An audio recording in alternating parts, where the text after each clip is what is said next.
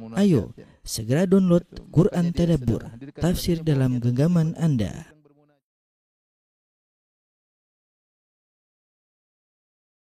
Bismillahirrahmanirrahim. Assalamualaikum warahmatullahi wabarakatuh.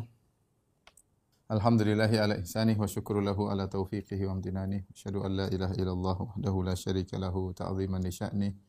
Wa asyhadu anna Muhammadan abduhu wa rasuluhu da'ila ridwani. Allahumma salli alaihi wa ala alihi wa ashabihi wa ikhwani. Para hadirin dan hadirat yang dirahmati oleh Subhanahu wa taala. Uh, jemaah uh, Masjid Al-Ukhuwah yang dimuliakan oleh Allah Subhanahu wa taala. Insyaallah pada kesempatan kali ini kita melanjutkan bahasan kita tentang al-kabair, dosa-dosa besar yang merupakan uh, pembahasan dari kitab karya Al-Imam Ad-Dhahabi, salah seorang ulama besar dari mazhab Syafi'i yang sangat terkenal ahli hadis dan juga ahli tarikh ya. Uh, kita sampai pada dosa besar yang kelima dosa besar yang kelima yaitu man'uz zakat. Tidak mau bayar zakat, tidak mau bayar zakat. Dan insyaallah kita akan bahas dosa berikutnya juga yang keenam adalah tentang ukukul walidain. Tentang durhaka kepada kedua orang tua. Adapun dosa besar yang eh, kelima, Al-Imam Az-Zahabi rahimahullah eh, berkata, qala Allah Ta'ala Allah Subhanahu wa taala berfirman, "Wa wailul lil musyrikin." celaka bagi orang-orang musyrik. Alladzina la yu'tuna zakata wa hum bil kafirun.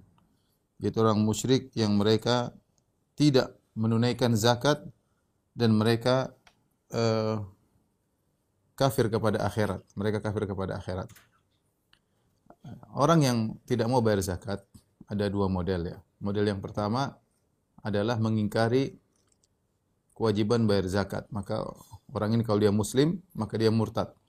Dengan mengingkari adanya kewajiban bayar zakat, maka dia menjadi murtad. Sebagaimana pernah muncul di zaman Abu Bakar radhiyallahu taala anhu orang-orang yang tidak mau bayar zakat lagi. Ya, mereka menganggap bahwasanya bayar zakat hanya wajib di zaman Nabi sallallahu alaihi wasallam.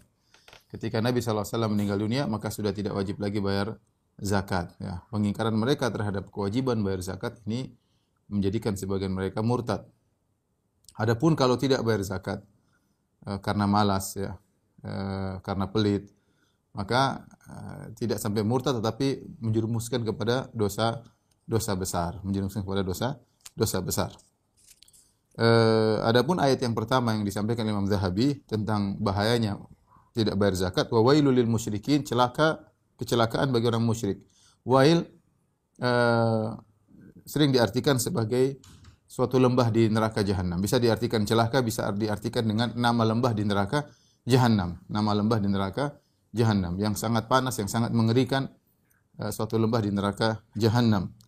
Eh, timbul pertanyaan, uh, orang-orang musyrik kan memang tidak wajib bayar zakat. Kenapa Allah mengatakan celaka bagi orang musyrik alladzina la yu'tuna zakat, tidak bayar zakat. Ini dijadikan dalil oleh ayat ini dijadikan dalil oleh para ulama bahwasanya al-musyrikin mukhatabuna mukhatabuna bi furu'i syariah. Bahwasanya orang musyrikin meskipun mereka uh, bukan orang Islam ya, tapi mereka juga diwajibkan untuk menjalankan syariat Islam. Syaratnya mereka masuk Islam dulu. Syaratnya mereka masuk Islam dulu. Ya, karena mereka tidak menjalankan syariat Islam maka semakin banyak dosa yang mereka lakukan. Jadi apa yang wajib bagi kita sebenarnya wajib juga bagi mereka. Di antara kewajiban tersebut yang pertama masuk Islam. Yang kedua menjalankan kewajiban-kewajiban seorang muslim. Tatkala mereka tidak masuk Islam dan juga mereka tidak melaksanakan kewajiban-kewajiban yang diwajibkan atas kita, maka semakin besar dosa mereka. Ya, oleh karenanya ketika Allah berfirman tentang para penghuni neraka sakor kata Allah Subhanahu wa taala, "Ma salakakum fi sakor?" Apa yang buat kalian terjerumus dalam neraka sakor? Ya, ini orang-orang kafir. Kenapa kalian masuk dalam neraka sakor? Apa jawaban mereka? Qalu lam nakum minal musallin. Kami dulu tidak salat. Walam nakun nut'imul miskin. Kami dulu tidak beri makan kepada orang-orang miskin wa kunna nakhudhu ma'al khaidin wa kunna nukadzibu biyaumiddin. Kami dahulu mendustakan hari kebangkitan. Jadi mereka ini kafir. Tetapi mereka masuk dalam neraka sakar ada beberapa sebab. Di antaranya mereka kafir, mendustakan hari kiamat. Di antaranya mereka tidak sholat. Di antaranya mereka tidak makan, tidak memberi makan kepada anak yatim. Berarti orang-orang kafir itu, di antara sebab mereka diadab adalah mereka tidak menjalankan syariat Islam. Ya, tidak menjalankan kewajiban-kewajiban uh, yang diwajibkan kepada orang muslim karena orang-orang kafir harusnya masuk Islam kemudian menjalankan kewajiban-kewajiban. Di antaranya adalah zakat. Mereka harusnya bayar zakat, tapi kalau bayar zakat masih Islam dulu. Ya.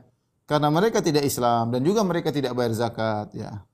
Di antara uh, azab diberikan kepada mereka karena tidak bayar zakat. Seperti dalam ayat ini, wa wailul lil musyrikin neraka wail atau lembah uh, di neraka bagi orang musyrikin siapa alladzina la yu'tuna zakat yaitu yang tidak bayar zakat. Allah sebutkan sebab mereka diazab di antaranya karena tidak bayar tidak bayar zakat. Intinya ini menunjukkan bahwasanya tidak bayar zakat merupakan dosa besar ya. Ini ayat pertama. Ayat yang kedua yang dibawakan oleh Imam Zahabi rahimahullahu taala uh, uh, yang menjelaskan tentang bahaya tidak bayar zakat ya Firman Allah Subhanahu wa taala, "Walladzina yaknizuna adh-dhahaba wal fiddata wa la yunfiqunaha fi sabilillah." Orang-orang yang menyimpan emas dan perak dan tidak mereka infakkan di jalan Allah. Fabashirhum bi'adzabin alim, maka kabarkanlah mereka dengan adab yang pedih. Yauma yuhma 'alaiha fi nari jahannam.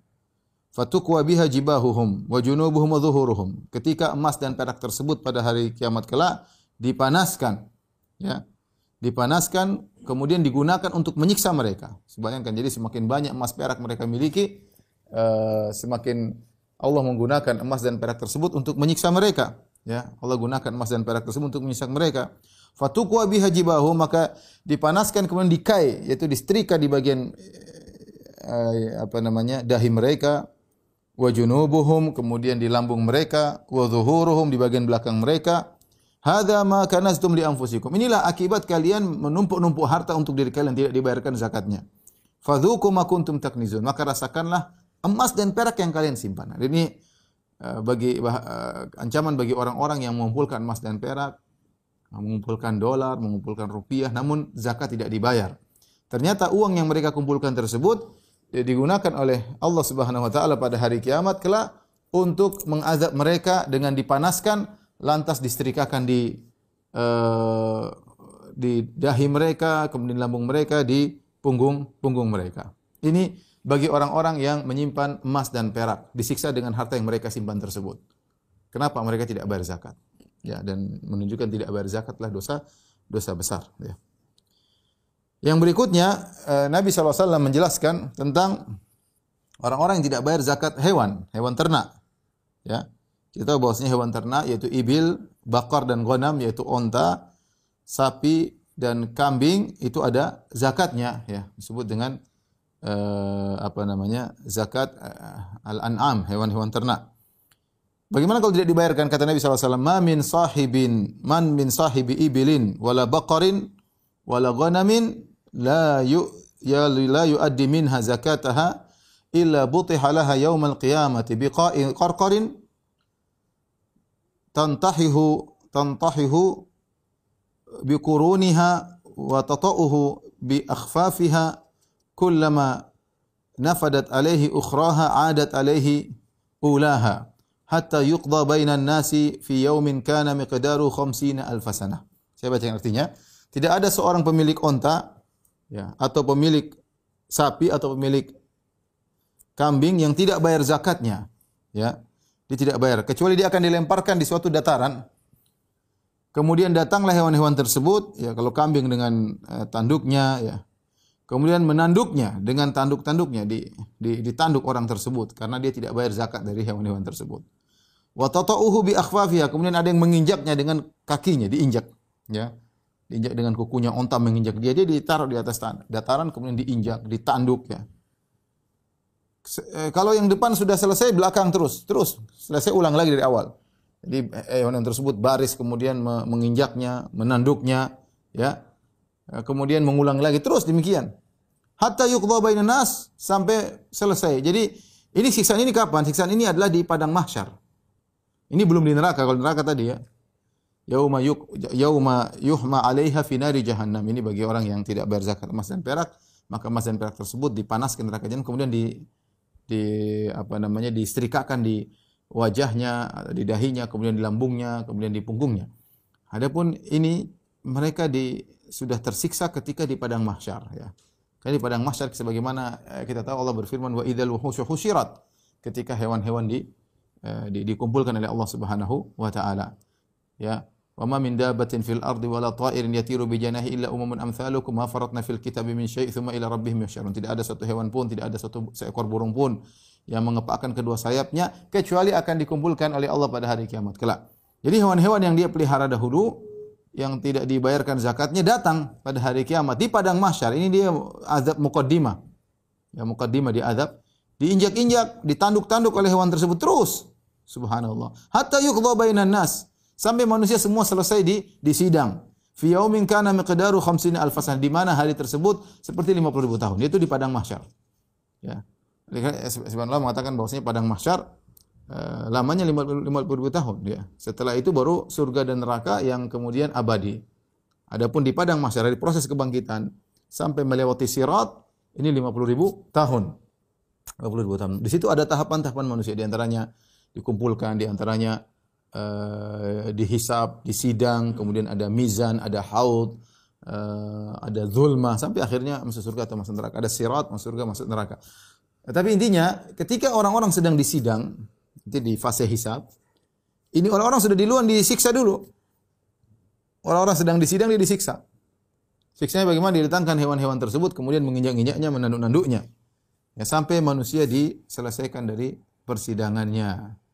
Thumma yara sabilahu imma ilal jannah wa imma ilan Ini dalil bahwasanya dia belum masuk surga atau masuk neraka. Setelah itu baru kemudian dia lihat jalannya. Apakah dia masuk surga atau masuk neraka?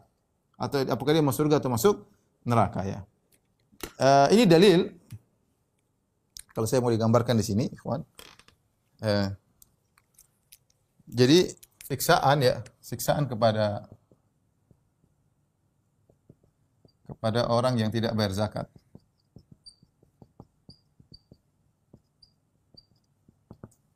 Uh, tadi kita sebutkan ya ada yang tidak bayar zakat emas, zakat emas perak, Ya, kalau sekarang adalah duit. Ya. Kemudian ada tadi hadis, ini tadi ayat ya, ini ayat-ayat. Ini ayat dalam ya, surat At-Taubah tadi. Uh, kemudian yang kedua adalah tidak bayar zakat zakat hewan ternak. Ya. Maka untuk yang ini ayat tadi jelas langsung pembahasannya di neraka ya. Distrika di neraka.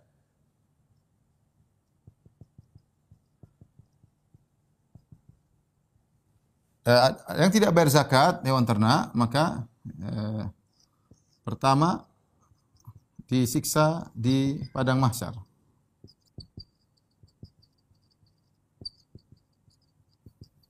Yang padang mahsyar itu 50 ribu tahun rasanya ya. Ya, setelah itu baru kemudian ke depannya surga atau neraka. Surga atau neraka. Nah, eh, setelah dia disiksa dengan ditanduk-tanduk oleh hewan-hewannya, kemudian setelah itu kata Nabi SAW, fayara sabilahu. Setelah itu dia lihat jalannya. Imma ilal jannah wa imma ilan nar. Ke surga atau ke, ke neraka. Ini dalil, ya. Ini dia disiksa dulu. Ini dalil bahwasanya dalil bahwa orang orang yang tidak bayar zakat tidak bayar zakat uh, tidak kafir selama dia tidak bayar zakat karena malas tidak kafir karena setelah dia disiksa di padang mahsyar Nabi masih mengatakan fayaro sabilahu dia lihat jalannya kalau tidak ke surga maka ke ke neraka adapun kalau dia kafir ya pasti ke neraka tidak perlu dibilang ke surga atau neraka namun ketika Nabi mengatakan dia tidak bayar zakat, ya, kemudian disiksa di padang mahsyar, diinjak-injak oleh hewan-hewan tersebut karena Allah kehidupkan kembali hewan-hewan tersebut. Setelah itu kata Nabi fayara sabilahu imma ilal jannah imma ilal nar kalau tidak ke surga atau ke neraka yang dalil bahwasanya masih mungkin dia dimaafkan setelah itu, masih mungkin. Kalau Allah maafkan dia masuk surga, kalau Allah tidak maafkan dia masuk neraka. Tapi ini dalil bahwasanya uh, orang tidak bayar zakat karena malas tidak kafir. Meskipun ancamannya keras namun dia tidak tidak kafir. Taib. Uh, kemudian Rasulullah menjadikan hadisnya, "Tsumma yara sabilahu ilal jannah wa imma ilan nar." Setelah dia disiksa di padang mahsyar, yang tidak bayar zakat hewan tersebut, maka dia akan lihat jalannya ke surga atau ke neraka. Berarti ada kemungkinan dia dimaafkan. Kalau Allah mengizinkan Allah maafkan, kalau enggak dia di neraka. Kemudian Nabi menyebutkan tentang orang yang tidak tidak bayar zakat harta. Wa min sahibi kanzin la yuaddi zakatahu illa musila lahu kanzuhu yaumal qiyamah syuja'an aqra.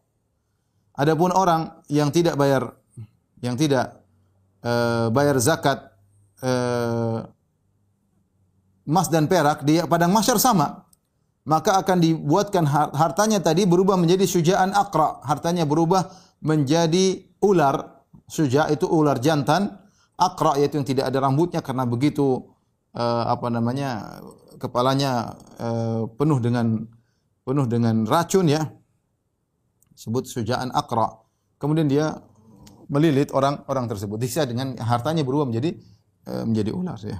Menjadi ular. Ini belum lagi kalau di neraka ya. Setelah itu diperlihatkan lagi fayara sabila, kemudian dia lihat summa yara. Setelah itu lihat apa masuk surga atau masuk neraka.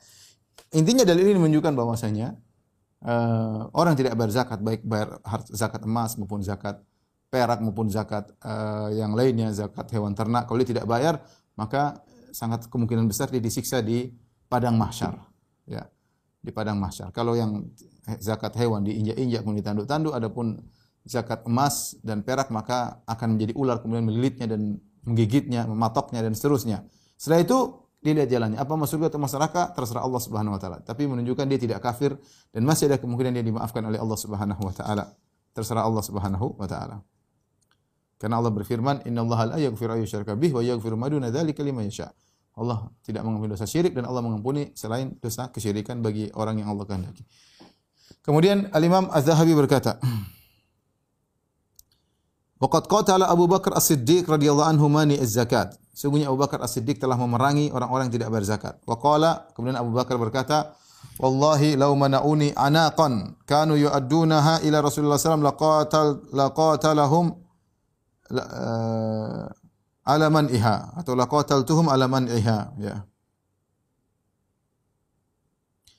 Kata Abu Bakar radhiyallahu anhu demi Allah kalau mereka tidak mau bayar zakat ya meskipun hanya anak anak itu artinya uh, al-untha minal ma'iz minal waladil ma'iz jadi eh, kambing ada dua ada namanya dha'an dha'an maksudnya domba al-ma'iz artinya kambing yang bukan domba ya kambing kalau kita bilang kambing Jawa ya domba yang bulunya lebat ya Eh, ada pun yang disebut anak yaitu anaknya kambing, bukan anaknya domba, anaknya kambing tapi yang betina.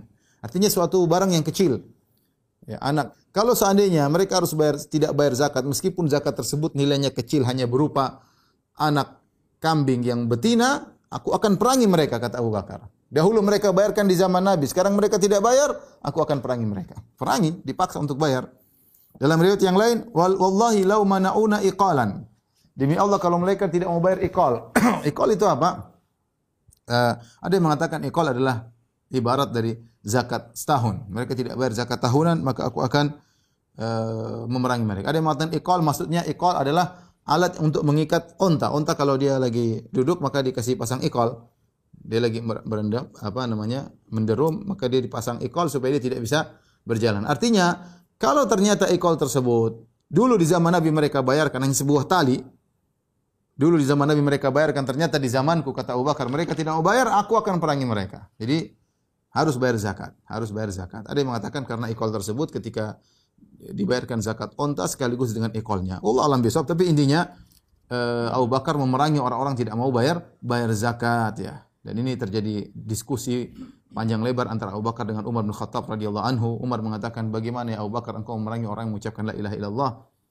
Ah, kemudian Abu Bakar mendebat Umar dan mengatakan, ya, aku akan memerangi mereka. Sungguhnya zakat adalah temannya koordinatus salat. Selalu Allah sebutkan gandengan dengan salat.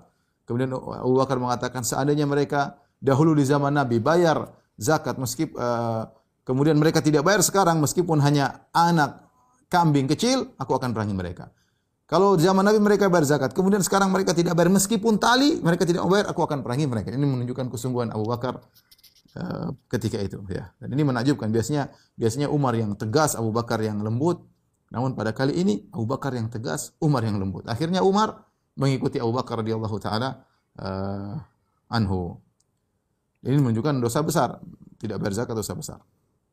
Allah berfirman Dalam ayat yang lain berkaitan dengan tidak bayar zakat kata Allah, "Wala yahsabanna alladhina yabkhaluna bima atahumullahu min fadlihi huwa khairul lah huwa khairul lahum." Janganlah orang-orang yang pelit yang Allah berikan kepada mereka harta mereka pelit tidak mau bayar zakat, ya huwa khairul lahum, dia mereka menyangka harta yang mereka tumpuk tersebut lebih baik bagi mereka. Kata Allah, "Bal huwa syarrul lahum." Bahkan harta yang mereka tumpuk-tumpuk itu lebih buruk bagi mereka. Sayutawwaquna ma bakhilu bihi yaumal qiyamah. Sungguh akan dililitkan harta yang mereka tumpuk-tumpuk pada hari kiamat kelak. Ya, mengerikan di padang mahsyar sudah disiksa. Subhanallah. Mengerikan di padang mahsyar sudah disiksa, belum lagi di neraka jahanam. Menunjukkan dosanya besar, menunjukkan dosanya besar. Di padang mahsyar sudah disiksa, belum lagi di di neraka jahanam kalau Allah tidak maafkan. Walillahi mirathus samawati wal ardi wallahu bima ta'maluna khabir. Sungguhnya milik Allah adalah perbenaran langit dan bumi dan Allah Maha mengetahui apa yang kalian lakukan. Ya. Jadi ini dalil bahwasanya uh, orang yang mengumpulkan harta namun dia lupa untuk bayar zakat, ya maka sesungguhnya dia menyangka itu baik, dia pelit, ya maka dia akan celaka binasa pada hari kiamat. Kalau ya zakat tidak mahal ya akhi. Zakat emas dan perak cuma 25 persen. Zakat duit cuma 25 persen. Nanti uang 100 juta cuma bayar 2,5 juta. Itu pun setahun sekali, bukan tiap bulan, setahun sekali. Kalau anda anda berat mengeluarkan 25 persen, Sedikit lah 2,5 bukan 5 persen bukan 10 persen. Ya, sedikit 2,5 persen. Itu setahun sekali Anda tidak mengeluarkan, Anda pelit berarti. Wala sabanna alladziina yabkhaluna bima atahumullah min fadlihi wa khairal Dan ini orang-orang yang tidak mau bayar zakat mereka menyangka kalau duit mereka banyak mereka lebih baik, maka itu buruk bagi mereka. Karena harta yang mereka simpan itu akan digunakan oleh Allah untuk menyiksa mereka. Saya ulangi, harta yang mereka tumpuk itu akan digunakan oleh Allah untuk menyiksa mereka, ya. Kalau berupa hewan akan dibangkitkan dan menyiksa mereka, kalau berupa uh, berupa emas dan perak atau duit Allah akan rubah, rubah menjadi uh, ular untuk melilitnya, untuk mematoknya, mengerikan.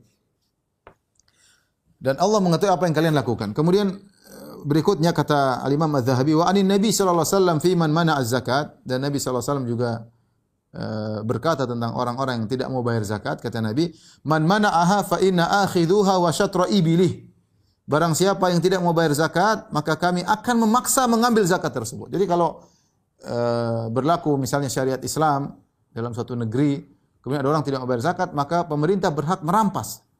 Berhak merampas e, dengan, dengan paksa. Bahkan wasyatro mal wasyatro ibilihi, bahkan bukan cuma kami ambil zakatnya, kami juga ambil setengah daripada onta yang dia miliki sebagai hukuman.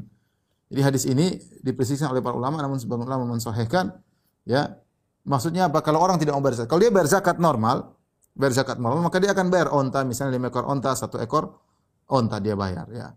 Kemudian kalau apa kambing 40 kambing satu ekor kambing dia sesuai dengan aturan.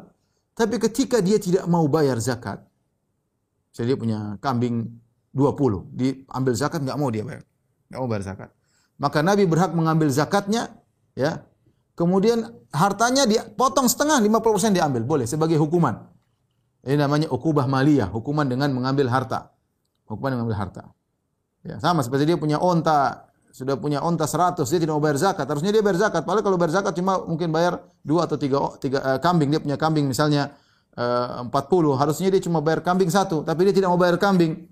Tidak mau bayar zakat. Akhirnya berhak pemerintah mengambil kambingnya satu kemudian setengah kambingnya diambil 20 ekor diambil ya sebagai bentuk karena dia tidak mau bayar zakat sebagai bentuk takzir sebagai bentuk takzir peringatan bentuk hukuman dan ini dijadikan oleh para ulama tentang bolehnya ukubah maliyah ya, tentang boleh memberi hukuman dari pemerintah dengan berupa hukum berupa bayar goroma atau bayar denda dan ini tentu ada khilaf namun namun sebagian ulama jumhur ulama mengatakan tidak boleh sebagian ulama mengatakan boleh berdasarkan hadis ini jadi ini diterapkan oleh sebagian negara misalnya kalau orang melanggar peraturan pemerintah, melanggar uh, lampu merah maka dikasih hukuman hak, uh, berupa bayar. Mereka berdalil dengan hadis-hadis seperti ini ya bahwasanya takzir hukuman itu kalau kalau ada hududnya hukum hadnya maka nggak boleh. Kalau hukum hadnya misalnya potong mencuri potong tangan ya tidak boleh dirubah. Ya misalnya kisos ada kisosnya misalnya uh, zina ada rajam ad, atau ada uh, dera, tidak boleh dirubah. Tapi bagi bentuk-bentuk kesalahan yang tidak ada tidak ada hukuman hadnya secara khusus dari syariat, maka di sini ijtihad. Boleh pemerintah meletakkan hukuman berupa pembayaran. Jika itu memang membuat uh, masyarakat menjadi uh, jerah ya. Di antaranya mereka berdalil dengan hadis uh, seperti ini. Wallahu alam bisawab. Intinya Nabi mengancam kalau kalian tidak bayar zakat, maka zakatnya kami ambil sebagaimana mestinya, kemudian kami potong harta kalian menjadi 50% kami ambil. Dan ini hukuman berat. Ini menunjukkan uh, zakat adalah meninggalkan zakat adalah dosa dosa besar. Kata Nabi SAW, azmatun min azamati rabbina. Yang ini merupakan hak dari hak-hak Rob kami atau kewajiban dari kewajiban-kewajiban yang dibebankan oleh Rob kami. Hadis ini riwayat Abu Dawud dan Nasa'i dari hadis Bahas bin Hakim Bahas bin Hakim an Abi an Jaddihi. Ini sangat dipermasalahkan oleh para ulama, tapi sebagian ulama mensahihkan atau menghasankan. Taib. Kemudian kita lanjutkan Al-Imam Adz-Dzahabi rahimahullah berkata, an Yahya bin Abi Katsir. Dia berkata, haddatsani Amir Al-Uqaili anna abahu akhbarahu annahu sami'a Abu Hurairah yaqul. Dari Amir Al-Uqaili mengatakan ayahnya mengabarkannya bahwasanya dia mendengar Abu Hurairah berkata, yaqul. Abu Hurairah berkata, qala Rasulullah sallallahu alaihi wasallam. Rasulullah SAW bersabda, Awalu thalathatin yadkhuluna nar. Tiga orang pertama kali masuk neraka jahanam. Amirun musallitun, seorang pemimpin yang musallit itu zalim, menguasai rakyatnya, menzalimi rakyatnya. Ya. Ini yang pertama, yang pertama masuk neraka. Waliyadzubillah. Yang kedua, wa dzu sarwatin la yuaddi haqqallahi fi malihi. Orang memiliki harta banyak namun dia tidak menunaikan zakat hak Allah itu zakat uh, dari hartanya. Yang ketiga, yang juga di pertama kali masuk neraka wa, faqirun fakhur, seorang miskin yang yang sombong. Seorang miskin yang yang sombong. Ini hadis uh, menunjukkan bahwasanya orang tidak membayar zakat adalah dosa besar bahkan melakukan dosa besar bahkan pertama kali masuk neraka jahanam sudah pertama kali disiksa di padang mahsyar kemudian dimasukkan juga dalam neraka jahanam tapi hadisnya secara sanad dhaif hadisnya secara sanad dhaif tapi tiga orang tersebut adalah pertama amir musallid yaitu amir yang yang sombong yang menguasai rakyatnya melakukan seenaknya terhadap semena-mena ya amir atau penguasa yang semena-mena yang kedua adalah orang beli harta yang banyak namun tidak bayar zakat padahal cuma sedikit cuma 2,5 persen. Uh, kemudian uh, yang ketiga fakir, fakhur ya. Fakir ya seorang fakir yang sombong, seorang fakir yang sombong yang angkuh ya. Ya dia bagaimana sombong sementara dia miskin ya. Ini berarti kesombongannya parah. Kalau orang sombong karena harta yang banyak, karena jabatannya, karena nasabnya, itu biasa terjadi dan itu juga dosa besar. Bagaimana lagi dengan kesombongan tanpa sebab? seperti sudah miskin sombong. Uh, kemudian kata Imam uh, Zahabi wa an Syariq wa ghairihi an Abi Ishaq an Abil Ahwas an Abdullah dari Abdullah qala umirtum bis salati waz zakati faman lam yuzakki fala salata lahu kalian telah diperintahkan untuk salat dan zakat barang siapa yang tidak bayar zakat maka tidak ada salat baginya artinya Solatnya dia berdosa, solatnya tidak sempurna karena zakat adalah korin itu solat. Zakat temannya solat. Allah selalu menyebutkan wa aqimu solata wa atuz zakat. Bar, kerjakan solat bayar zakat. Ini Allah gandingkan dalam Al-Quran dalam banyak. Fa in tabu wa aqamu solata wa atuz zakata fa khallu sabilahum fa ikhwanukum fid din. Ya dalam surat At-Taubah kalau mereka uh, apa namanya bertobat dan solat dan bayar zakat maka mereka lah teman-teman kalian seagama, saudara kalian seagama. Kalau mereka sholat dan bayar zakat, maka biarkanlah mereka. Ya. Jadi intinya uh, ini antara dosa besar yang harus diperhatikan oleh uh, kita semua, terutama orang yang memiliki harta. Ya, jangan sampai dia tidak bayar zakat. Ya, kalau dia punya harta banyak dia hitung. Ya, Allah tidak tidak minta dari uh, kita banyak, cuma sedikit, cuma 50%. Wa anfiqu mimma razaqnakum. Kata Allah berinfaklah dari apa yang kami rizkikan kepada kalian. Rezeki kalian dari Allah Subhanahu wa taala. Ya, dan ini indahnya syariat Islam. Syariat, Islam uh, membolehkan seorang memiliki kekayaan pribadi, ya. ya. Tapi dia punya kewajiban untuk bersosial.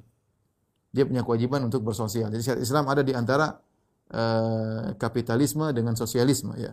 Jadi dia tengah-tengah. Boleh seorang punya harta, tetapi dia harus bersosial dengan membayar zakat. Belum lagi sedekah yang yang lain. Kalau tidak, maka harta tersebut akan membawa kebinasan baginya karena harta tersebut akan digunakan untuk menyiksanya pada hari hari kiamat. Taib ikhwan dan akhwat yang dirahmati Allah Subhanahu wa taala, kita lanjutkan eh, dosa berikutnya ukukul walidain. Ukukul walidain yaitu eh, durhaka kepada kedua orang tua, ya. Taib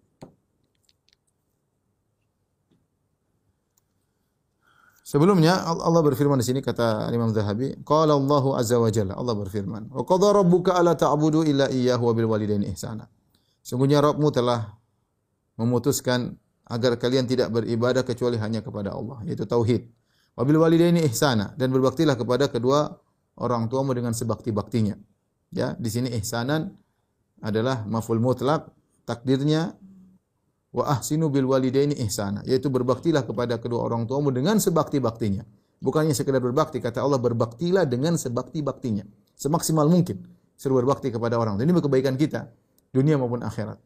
Orang berbakti kepada orang tuanya Allah berikan bagi di dunia, Allah berikan bagi dia akhirat. Kemudian Allah ingatkan terutama di waktu mereka sudah mencapai masa tua. Kita disuruh berbakti kepada orang tua setiap saat, setiap saat. Ketika mereka masih kuat, ketika mereka masih kaya, kita tetap berbakti sesuai dengan yang, yang kita mampu ya. Uh, namun ada kondisi di sana seorang hamba diuji oleh Allah. Ketika orang tuanya di masa tua, masa jompo dan tidak punya apa-apa butuh perhatian khusus. Kata Allah, "Imma yablughanna indakal kibar."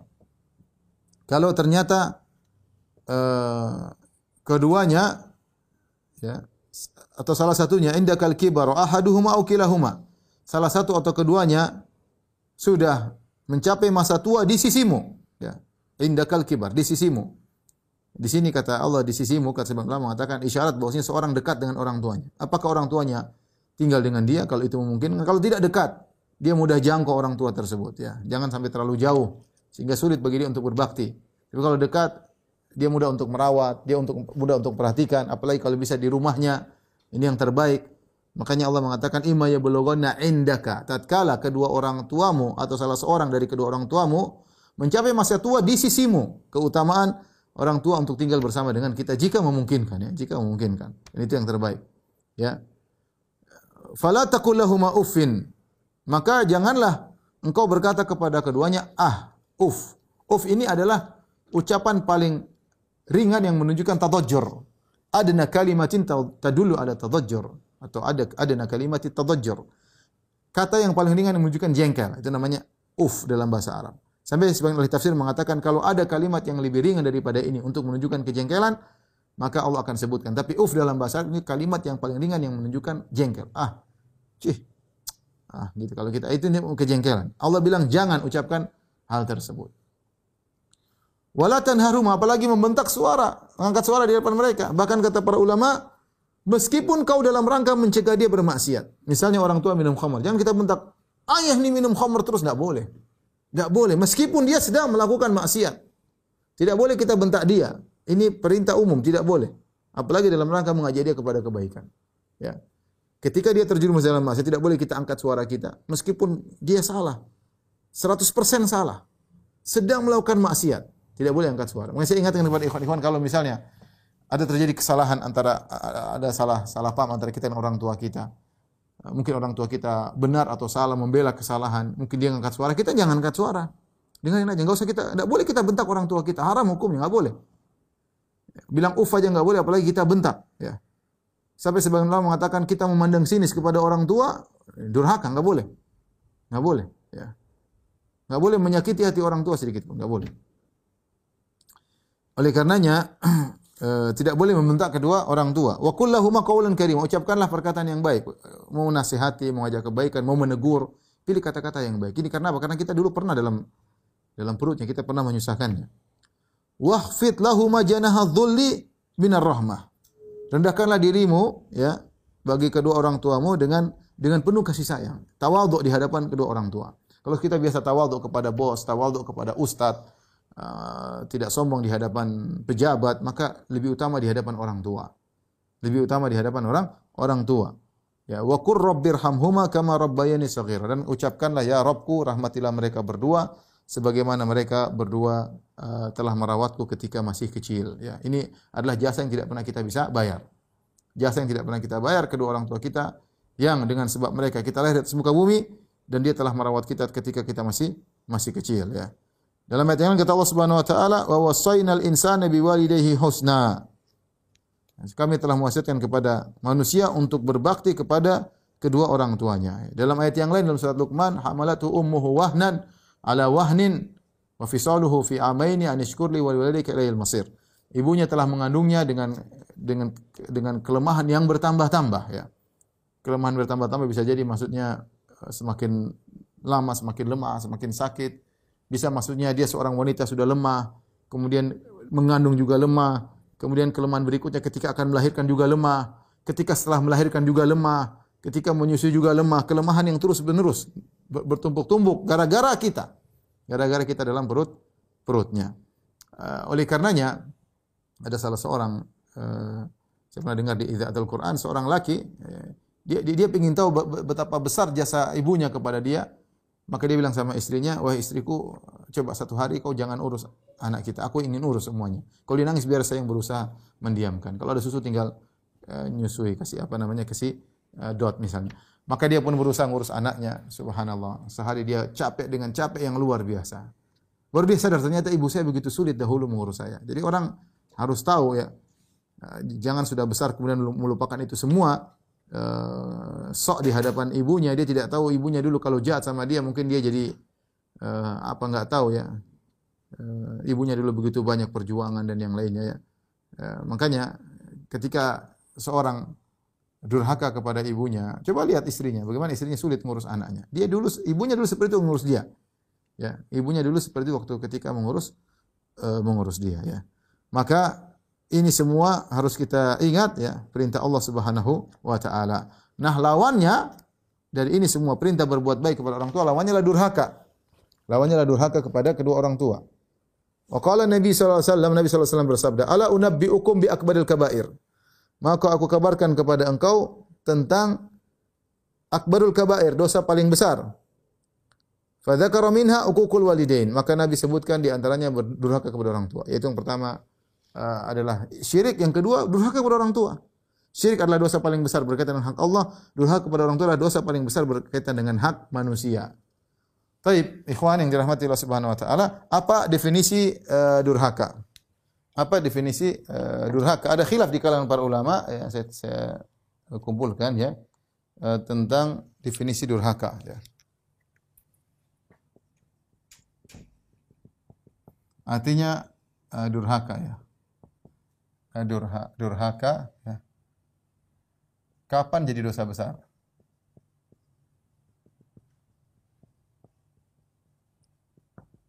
Maka ada secara umum ada dua pendapat, dua pendapat ada khilaf.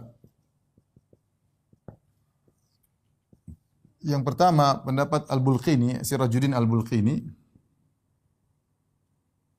dalam fatwanya uh, beliau berkata saya bacakan eh, perkataan beliau Al-Bulqi ini.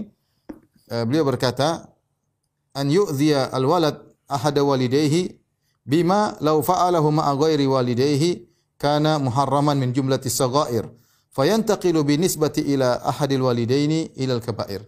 Yaitu dosa uh, durhaka kata dia kalau kau melakukan satu kesalahan kepada orang lain kalau kepada orang lain itu dosa kecil, maka bagi orang tua dosa besar.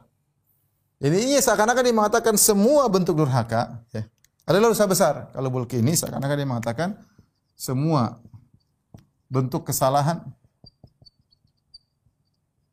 kepada orang tua adalah dosa besar. Ya. Meskipun jika meskipun jika dilakukan kepada selain orang tua, kepada selain orang tua merupakan dosa kecil,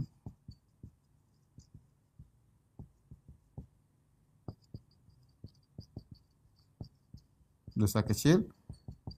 Tapi kalau dilakukan pada orang tua jadi dosa besar. Tapi jika dilakukan pada orang tua jadi dosa besar orang tua jadi dosa besar. Ini uh, berat ya. Berat ya. Jadi semua bentuk kesalahan kepada orang tua, uf, Allah larang, uf, ah. Melihat dengan mata sinis kepada orang tua ya, ngangkat suara, semuanya dosa besar. Kalau kita lakukan itu sama orang lain, sama kakak, sama adik, sama teman, sama tetangga, kita yang salah bukan dia yang salah, itu dosa kecil. Tapi ketika itu berkaitan orang tua menjadi dosa dosa besar. Jadi semua dosa kecil, ilmu ini mengatakan semua kesalahan kepada orang tua kita yang dalam posisi salah. Uh, kalau kepada orang lain dosa kecil, tapi bagi orang tua menjadi dosa dosa besar. Uh, berbeda dengan Az- apa namanya? Zakaria Al-Ansari dalam Asnal Matalib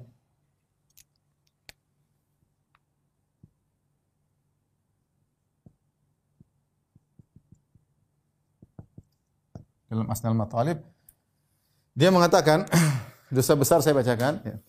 Kapan durhaka menjadi dosa besar? Se- Semuanya dosa, durhaka semua dosa. Tapi kapan jadi dosa besar? Dia mengatakan wa huwa an yu'dhiyahuma adzan laisa bihayyin. Ma lam yakun ma adzahuma wajiban, ya. Yaitu semua gangguan namun bukan gangguan kecil, yaitu gangguan semua gangguan kepada orang tua kepada orang tua yang bukan gangguan ringan. Gangguan ringan. Selama sebab gangguan tersebut bukan karena perkara wajib.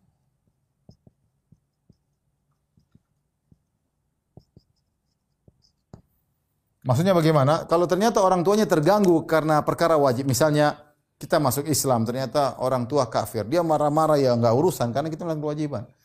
Ternyata kita gara-gara kita pergi ke masjid, kemudian dia marah-marah, ya menurut kita ke masjid wajib misalnya. Ya, maka gara-gara kita sholat misalnya, dia marah-marah ngamuk-ngamuk, kamu usah sholat dulu, biarin dia ngamuk kita nggak berdosa, karena kita melaksanakan suatu yang wajib. Ya. Misalnya kita nafkahi anak istri kita, orang tua marah, nggak usah dinafkahi. Meskipun dia ngamuk-ngamuk kita nggak dosa. Dan tidak durhaka. Kenapa kita sedang menjalankan yang wajib? Ya. Jadi kalau orang tua marah gara-gara kita menjalankan wajib, kata Zakaria Al-Ansari, Syekhul Islam Zakaria Al-Ansari, bahwasanya itu tidak jadi masalah. Tetapi kalau kita eh, membuat dia marah gara-gara perkara yang lain, perkara yang mubah, ya, dia bilang, nak kamu jangan safar ke sana. Oh, kita safar aja. Nak kamu jangan, ini lagi masa pandemi jangan safar. Kita nekat safar. Orang tua marah. Dosa, nggak boleh. Karena safar kita cuma mau jalan-jalan, tidak wajib. Tidak wajib. Nah, gangguan tersebut yang bukan gangguan ringan. Bukan gangguan ringan. Ini tentu kembali kepada urf. Ustadz kalau gangguannya ringan gimana? Menyakiti maksudnya jengkelin orang tua tapi jengkel yang ringan.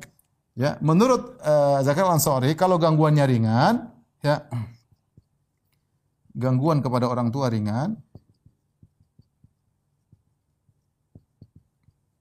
maka ini dosa kecil bukan durhaka. Bukan durhaka. Kalau gangguannya berat, berarti ini yang namanya durhaka, durhaka. Ya, dur durhaka. Ya, ini ini pun dosa, bukan durhaka, tapi ini dia dosa kecil. Dosa kecil, ya. Ini lebih ringan daripada pendapat Al-Bulqini. Bulqini kita melakukan dosa kecil kepada orang lain dianggap dosa besar kalau berkaitan dengan orang tua. Adapun Ibnu Hajar rahimahullah taala beliau berkata dalam Fathul Bari, "Suduru ma yata'adza bihil walid min waladihi min qaulin aw fi'lin illa fi syirkin aw ma'siyatin ma lam yata'annatil walid." Jadi Ibnu Hajar punya syarat lagi, syarat Ibnu Hajar. Ya, Ibnu Hajar. Ya, syarat ya. Jadi Ibnu Hajar Ibnu Hajar mengatakan suduru ma yata'adza bihil walid min waladihi. Ibnu Hajar kata beliau semua perkara semua perkara yang muncul dari semua perkara ya yang muncul dari anak yang menjadikan orang tuanya terganggu ya menjadikan orang tuanya terganggu baik perkataan maupun perbuatan dia ngomong apa bikin orang tuanya jengkel orang tuanya terganggu. Dia melakukan suatu perbuatan bikin orang tuanya eh, terganggu ya maka dia telah melakukan durhaka. Ya semua per, kata Ibnu Hajar ya, semua perkataan perbuatan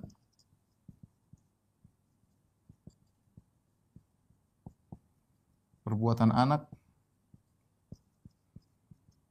yang mengganggu atau menyakiti menyakiti orang tua. Itu adalah uh, durhaka uh, Kecuali dalam kesyirikan, kecuali kalau dia menegur perbuatan syirik orang tua terganggu tetap aja tegur atau orang tua yang melakukan maksiat dia tegur, ya. Malam ya ta'annatil walid. Ah, di sini ada syaratnya. Kata Ibnu Hajar, selama selama orang tua uh, tidak ta'annud. Ta'annud itu apa ya? Uh, ta'annud ngayal kira-kira. Bersikeras. Ya. Keras kepala. Contohnya bagaimana? Uh, contohnya uh, misalnya dia apa namanya? Uh, dia dia ada keperluan, dia harus pergi ke sana. Orang tuanya jangan, ya sudah. Terus ada keperluan lagi, bukan perkara itu ada keperluan penting. Tapi orang tua ternyata begitu, selalu melarang dia dalam perkara yang baik. Selalu dia mau ke sini nggak boleh, di sini nggak boleh, boleh nggak boleh main dengan kawannya. Ya dia bisa cari teman yang tapi tidak, tapi dia terganggu dengan seperti itu. Mau cari teman ini nggak boleh, mau misalnya dia mau nikah, oh nggak boleh, mau nikah ini nggak boleh, kamu nggak boleh, nggak boleh. Semua pilihan ada akhwat yang yang dia ngelamar akhwat semua ditolak. Ada ikhwan yang melamar semua ditolak. Namanya ta'annud, keras kepala, tanpa ada alasan yang syar'i. Maka seperti ini seandainya dia melanggar, kata Ibnu Hajar bukan durhaka. Ini contoh maksudnya ta'annud. Ada orang tua tidak memikirkan maslahat anaknya. Kenapa ayah kenapa enggak boleh? Enggak cocok. Dia ikut, pokoknya enggak cocok begitu aja. Ya, ayah enggak serak, ibu enggak serak. Tapi sudah 20 orang melamar ditolak semua. Ini enggak beres. Namanya ta'annud seperti ini. Ya. Ini enggak benar. Seperti anaknya mau ikut pengajian, oh nggak boleh, nggak boleh, nggak boleh. Kamu ngaji lewat YouTube terus terus sampai nggak pernah keluar sama sekali, nggak boleh ikut pengajian. Ini boleh seperti dia, meskipun orang tuanya marah, dia tidak dikatakan durhaka karena orang tuanya yang ta'annud, ingin menghalangi anaknya dari kemaslahatan. Ini lebih ringan lagi dari uh, Ibnu Hajar. Tapi intinya, ikhwan dan akhwat yang dirahmati Allah Subhanahu wa taala, kita berusaha meninggalkan segala gangguan kepada orang tua. Lihatlah bagaimana uh, seorang salaf ya, saya lupa kalau tidak salah Ali bin Husain bin Ali Zainal Abidin ya Ali bin Husain bin Ali bin Abi Thalib sampai dia tidak mau makan sepiring sama ibunya, tidak mau makan. Kenapa? Padahal dia terkenal sangat berbakti kepada ibunya.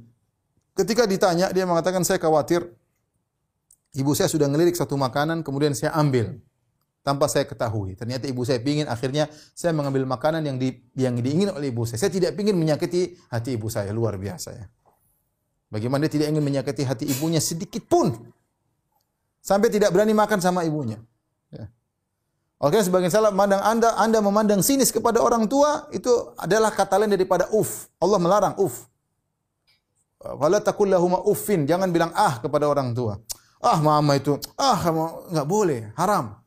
Masalah durhaka atau tidak ini kembali kepada khilaf di kalangan para ulama. Ada yang mengatakan durhaka, ada yang mengatakan bukan. Tapi haram haram, nggak boleh. Allah tegas larang. Fala takul lahuma uffin, jangan mengatakan ah. Apakah dia dosa besar atau tidak? Ini urusan khilaf di kalangan para ulama. Tapi kalau kita jauhi harus jauhi. Karena kita ngomong merendahkan orang tua, ah, mama itu enggak ngerti. Ini sudah berubah, jadi kelihatan angku di hadapan orang tua. Ini zaman sudah beda, mah ngangkat suara. Mama masih enggak sekolah. Ah, malu jalan sama mama, subhanallah. Kata-kata yang menyakitkan hati orang tua. Nanti orang tua baper? Nanti kita kita juga nanti setelah besar seperti itu. Ya, oleh karena seorang waspada ya jangan sampai dia uh, akhirnya berbuat dosa kepada kedua orang tuanya. Dan ini dosa bukan main-main, durhaka. Ya. Taib kita lanjutkan kata Nabi SAW ridallah fi ridal walid. Keriduan Allah berada pada keriduan orang tua, al-walid. Al-walid di sini diartikan ayah dan juga ibu. Ibu mencakup dalam riwayat ini. Wa sakhatullah fi sakhatil walid dan kemurkaan Allah pada kemurkaan orang tua. Ini dalil bahwasanya mencari keriduan orang tua sangat dituntut. Kalau Anda bisa membuat orang tua senyum, bisa membuat orang tua senang mendengar suara Anda, bisa membuat orang tua bangga punya anak seperti Anda ya, maka Anda akan mendapatkan keriduan Allah. Ini jelas Nabi yang mengatakan ya. Carilah keriduan Allah dengan keriduan orang tua. Kenapa? Karena keriduan Allah berada pada keriduan orang orang tua. Saya ulangi al-walid di sini maksudnya adalah ayah dan ibu. Dalilnya apa? Dalilnya al-walid secara bahasa mencakup orang tua yaitu ayah dan ibu. Pertama, yang kedua datang dalam sebagian riwayat uh, ridol ridollah fi walidah. Ada ata al-walidah yaitu keridhaan Allah kepada keridhaan ibu. Yang ketiga hadis ini riwayatnya tentang pertanyaan seorang seorang lelaki kepada seorang sahabat ya, kalau tidak salah Abu Zar ya tentang uh, ibunya ya. Tentang ibunya apakah dia menjalankan perintah ibunya ah, Abu Darda ya apakah uh, Oh enggak ini intinya intinya al, uh, mohon maaf ini al-walid al-walid ini uh, secara bahasa mencakup ayah dan ibu. Yang ingin saya bahas adalah hadis berikutnya. Mohon maaf. Hadis berikutnya wa anhu alaihi salatu wasalam dari Nabi sallallahu alaihi wasallam al walid awsatu abwabil jannah. Al walid ini maksud saya di sini hadis ini. Al walid awsatu abwabil jannah. Orang tua adalah pintu surga yang paling tengah, yaitu paling mudah memasukkan dalam surga. Fa in syi'ta fahfaz wa in syi'ta fadayyi. Kalau kau mau jagalah pintumu, ya. Kalau kau tidak mau, ya sudah buang aja pintu itu, ya. Di sini kata Nabi sallallahu alaihi wasallam, ya. Al-walid awsatu abwabil jannah. Uh, jadi orang tua, orang tua orang tua adalah uh, pintu surga yang paling tengah.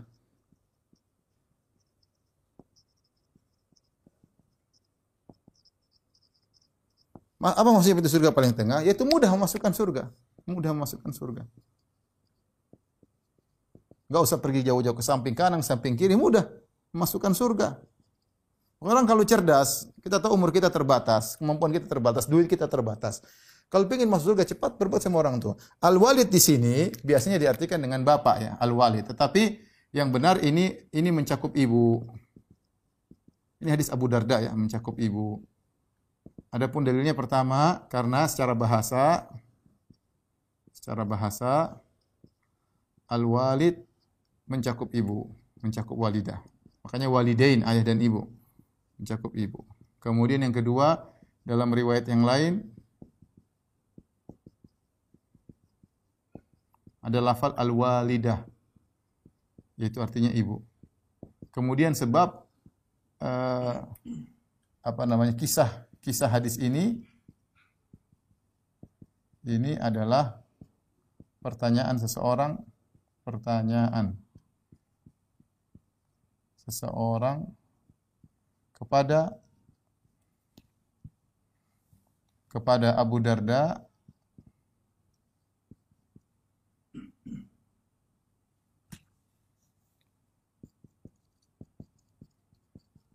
tentang ibunya, tentang ibunya. Jadi uh, dalam berbakti kepada orang tua, dua-duanya kita perhatikan, ayah dan ibu. Ayah dan ibu dua-duanya harus kita perhatikan karena mereka adalah pintu surga. Jadi kalau ternyata ibu kita masih hidup, ayah kita masih hidup, ada dua pintu surga depan kita. Ya, terserah. Kata Abu Darda ini riwayat apakah dari Nabi atau dari Abu Darda ada khilaf. Perkataan fa in syi'ta fahfadh kalau kau berkehendak jaga itu pintu surga, tiap hari kau bisa lihat pintu surga, kau bisa buka pintu tersebut. Kalau kau tidak mau buang itu pintu, terserah. Ya. Makanya orang yang orang yang masih bertemu dengan kedua orang tuanya tidak bisa masuk surga itu celaka. Kata Nabi sallallahu alaihi wasallam, man adraka walidayhi indal kibar walam yadkhulil jannah." Ya. Sungguh celaka orang yang masih bertemu dengan kedua orang tuanya di masa jomblo terus tidak bisa masuk surga, ini orang celaka. Kenapa? Berarti pintu surga dia buang kesempatan besar dia buang. Ini orang goblok seperti ini, bahlul. Ya. Kenapa? Karena dia masih mendapati kedua orang dalam masa jomblo namun tidak bisa bikin dia masuk surga. Ini orang celaka. Celaka didoakan celaka oleh Nabi sallallahu alaihi wasallam. Hadis berikutnya kata Nabi sallallahu alaihi wasallam, "Al jannatu tahta aqdamil ummahat." Surga berada di bawah kaki kaki ibu. Hadis ini uh, dhaif, hadis ini dhaif. Uh, namun telah datang hadis riwayat yang lain yang uh, yang yang sahih ketika seorang berniat untuk berjihad. Kemudian Nabi SAW bertanya apakah ibu masih hidup? Kata dia masih. Kata Nabi SAW falzamha fa innal jannata tahta rijlaiha. Ya. Dalam riwayat yang lain inda rijlaiha. Ya. Dalam riwayat fathammal jannah.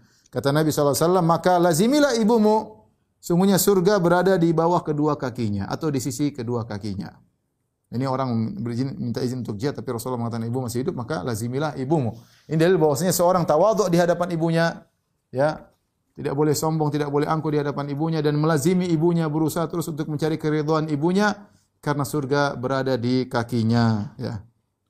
Ini harus dihafalkan pada anak-anak ya, diingatkan ya surga di bawah kedua telapak kaki ibu diingat. Atau surga berada di sisi kaki ibu. Ini diingat kepada anak-anak. Anak harus di kan kita ingatkan hadis Nabi Shallallahu Alaihi Wasallam ya. Ayah mengingatkan kepada ibu ya, ke, kepada anak-anak tentang keutamaan ibu. Ibu mengingatkan kepada anak tentang keutamaan ayah dan seterusnya.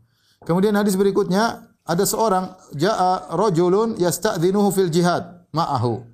Ada seorang laki datang kepada Nabi kemudian minta izin untuk berjihad bersama Nabi. Nabi berkata ahyun walidak Apa kedua orang tuamu masih hidup? Qala na'am. Ia masih hidup ya Rasulullah sallallahu alaihi wasallam fa fajahid. Maka berjihadlah kepada kedua orang tuamu. Ini dalil ya ikhwan dan akhwat yang dirahmati Allah Subhanahu wa taala. Bahwasanya berbakti kepada orang tua butuh jihad. Sampai Nabi mengatakan itu jihad, perjuangan. Kenapa seorang berbakti kepada kedua orang tuanya? Dia harus berjihad dengan mengorbankan waktunya. Dia harus berjihad dengan mengorbankan hartanya. Dia berjihad terkadang mengorbankan perasaannya, terutama ketika orang tua sudah mencapai masa jompo, yang kadang suka, suka emosi, yang kadang suka bicara dengan ngawur, yang kadang uh, suka menyakiti hati anak-anaknya, yang kadang permintaannya aneh-aneh, yang kadang seperti anak kecil, yang kadang harus dicebok dan seterusnya. Maka ini butuh perjuangan. Sampai Nabi menamakan orang yang mengurusi orang tuanya disebut dengan jihad dengan dengan jihad ya. Terkadang orang tua aneh-aneh ya, akhi. Ya ukhti. Wajar, tapi itu orang tua kita tetap bagaimanapun. Dan itu kejadian banyak laporan kepada saya. Ya, saya pernah dengar cerita suatu cerita yang menakjubkan. Uh, ketika seorang ya, dia menge, dia mengembala dia bawa uh, orang tuanya kemudian orang tuanya uh, dia ikat kemudian selalu melempar-lempar dia. Orang heran ini siapa? Dan ternyata orang gila itu adalah orang tuanya. Yang selalu lempar-lempar dia. Kenapa dibawa daripada dia ngelempar orang mending sama saya ngelempar-lempar saya kemudian dia lempar sana lari sini untuk menghindar. Orang tuanya senang lempar-lemparin dia. Tapi tetap dia berbakti kepada orang tuanya. Tetap dia berbakti kepada orang tua meski orang tuanya dalam kondisi gila. Ya. Ini orang tua kita tidak gila, ya mungkin ngomong ngawur, mungkin. Mungkin nyakiti hati kita, mungkin tidak adil membela kakak, membela adik, tapi dia tetap orang tua kita. Kita pernah, apalagi ibu, kita pernah dalam perutnya. Kalau ayah kita ini berasal dari air maninya, dia pernah mengeluarkan keringat untuk mengkasih makan kita, ya, memberi makan kepada kita. Oleh karenanya, apa pun yang terjadi, seorang ya harus berjihad dalam berbakti kepada orang tuanya. Jangan pernah perhitungan sama orang orang tua. Ya. Korbankan waktu, korban daripada ente terlalu banyak ngaji tapi ente ternyata tidak berbakti sama orang tua. Terlalu banyak baca Quran tapi tidak bisa berbakti sama orang tua. Terlalu banyak sedekah tapi nggak bisa bersabar dengan orang orang tua. Ini salah, salah, salah prioritas. Ya, salah prioritas. Saya boleh kalau kalau boleh saya katakan, mending ente, pelit tapi ente saya berbakti sama orang tua. Mending ente malas baca Quran tapi ente berbakti kepada orang tua. Ya, kalau saya boleh katakan demikian ya. Mending ente nggak ngaji, bahlul tapi berbakti sama orang tua. Prakteknya jelas. Yang penting ente jangan maksiat itu saja. Tapi ini rajin ngaji, kemudian kalau bicara Masya Allah, ilmunya tinggi, tapi sama orang tua pelit, perhitungan, tidak pernah perhatian, semuanya lengkap. Ya. Oleh karenanya, eh, berbakti sama orang tua butuh jihad, butuh jihad. Apalagi mereka sudah mencapai masa tua, maka kesempatan bagi kita emas untuk membuka pintu surga selebar-lebarnya untuk masuk surga. Mumpung kedua orang tua masih hidup, benar sudah meninggal kita menyesal. Pintu surga sudah tidak ada lagi di, di hadapan kita. Taib, hadis berikutnya Nabi berkata, "Wa qala ummaka wa abaka wa ukhtaka wa akhaka wa adnaka wa adnak." Ketika Rasulullah SAW ditanya siapa orang yang paling utama untuk kita berbuat baik, maka dia mengatakan ibumu dan ayahmu dan saudari perempuanmu dan saudara laki-lakimu dan kerabat terdekat kerabat terdekat ya. Kerabat terdekat uh, kerabat uh, terdekat. Uh, ini hadis menjelaskan tentang urutan dalam berbakti kepada orang berbakti yang pertama adalah ibu, kemudian ayah, saudari perempuan ya karena lebih butuh perhatian, kemudian saudara laki-laki, kemudian kerabat terdekat kerabat terdekat.